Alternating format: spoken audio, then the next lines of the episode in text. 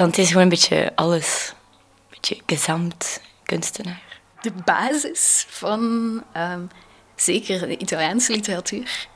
En ja, ook misschien zelfs de Europese gewoon. Eindpunt van de middeleeuwen en begin van een nieuwe tijd.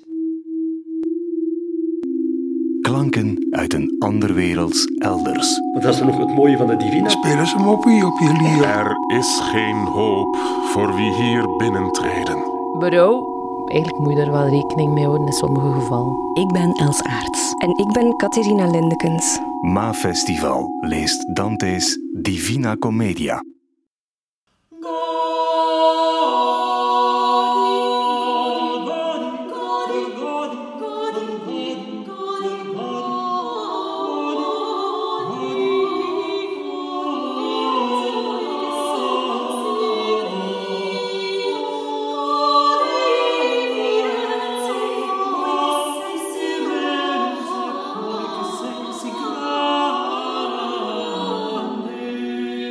Voor we met Dante afdalen in de hel, moeten we hem misschien toch eerst even een beetje beter leren kennen. Dante leefde in het Trecento, maar dat is belangrijk om te weten dat dat in het Nederlands de 14e eeuw is.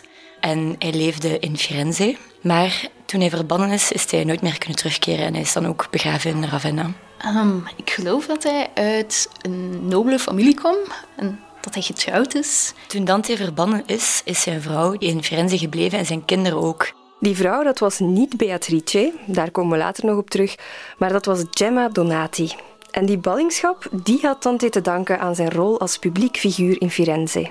Daar was er eerst de tegenstelling tussen de Guelfi en Ghibellini. De Guelfi kreeg dan de bovenhand, want die vielen dan weer uiteen in zo twee facties, de Neri en de Bianchi.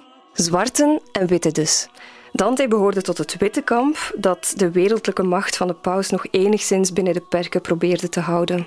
Hij was toen echt al een heel bekende figuur. Zijn poëzie was al heel belangrijk. Hij werd heel veel gelezen. Hij werd, had echt wel heel veel aanzien in Firenze. Um, dus echt wel iemand die... Allez, een raadgever. Toen Dante eens op uh, diplomatieke missie was naar de paus Bonifatius, dan hebben ze hem gewoon verbannen. En dan mocht hij niet meer terugkeren. Het was eigenlijk een politieke reden. En die paus, uh, Bonifatius, die zat eigenlijk ook in het spel. Vandaar dat hij uiteraard in de hel zit, waar hij uh, serieus uh, folteringen in feite ondergaat.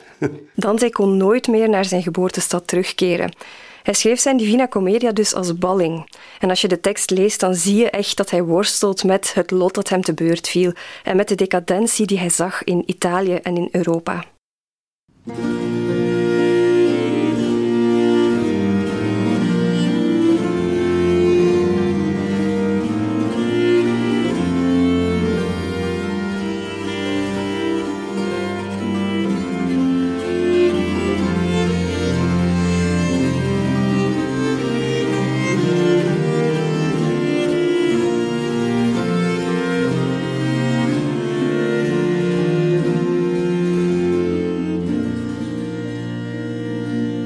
Hoewel bijna iedereen de titel kent als La Divina Commedia, is die Divina er eigenlijk pas na de dood van Dante aan toegevoegd.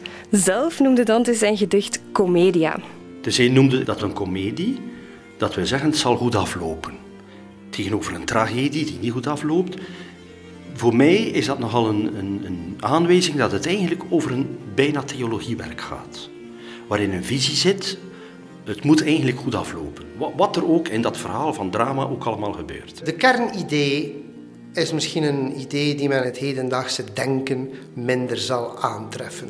En dat is in feite dat je door een inzicht in je zonde, of minder christelijk in je gebreken, een louteringstoestand kunt eh, doormaken om te komen tot een hoger niveau.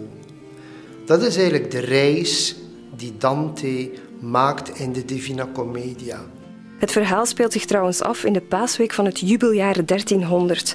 Dus eigenlijk treedt Dante hier al een beetje in de voetsporen van Christus.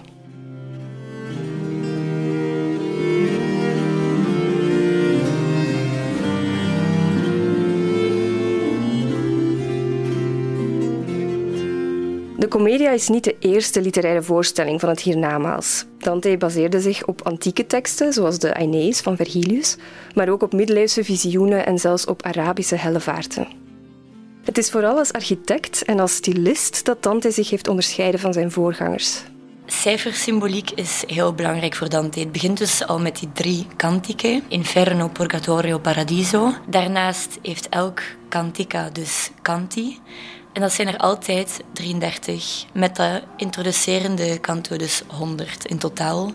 En die symboliek blijft ook heel aanwezig in alle andere opbouwende onderdelen van de Divina Commedia. Ja, en die getallen 3 en 10 staan symbool voor de drie-eenheid en de goddelijke volmaaktheid.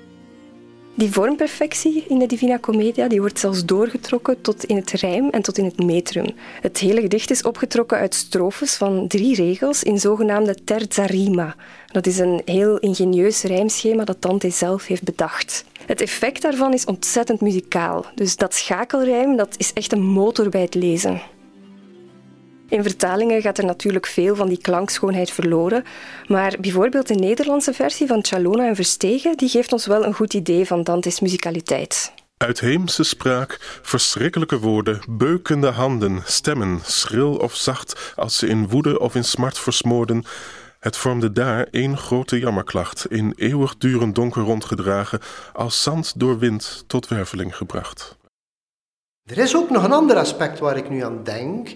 En dat is dat Dante meegedragen heeft aan het smeden van het Toscaans. Dus de taal die men vandaag de dag spreekt in, in, Toscane Firenze en misschien nog een betere Italiaanse in Siena, eh, is eigenlijk voor een gedeelte gesmeed door Dante. Hij heeft dus ook een historisch enorm belangrijke betekenis. Ja, Dante was inderdaad een van de eerste schrijvers die de Italiaanse volkstaal promoveerde tot een volwaardig alternatief voor het Latijn.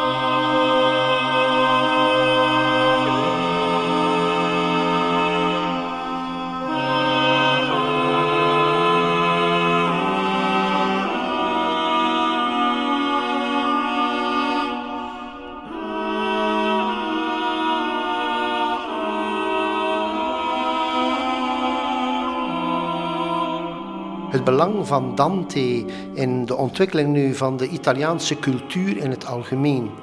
Die Italiaanse cultuur die zeker wat de schilderkunst betreft toch gevangen zat in starre Byzantijnse schema's, die wordt eigenlijk losgemaakt daarvan door een figuur als Giotto. Maar nu, Giotto is, eh, dat is ook 1300.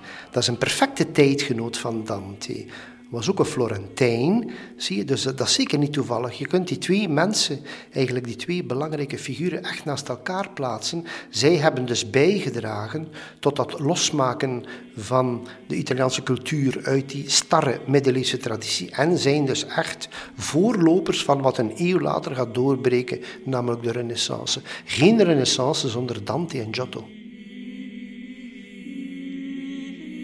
We bedanken graag Laurent Vermaarke, Ida van Nek, Bernard Huivaert en Renaat Loagi. Je hoorde muziek van Paolo da Firenze, Anthony Holborn en Joanne Metcalf.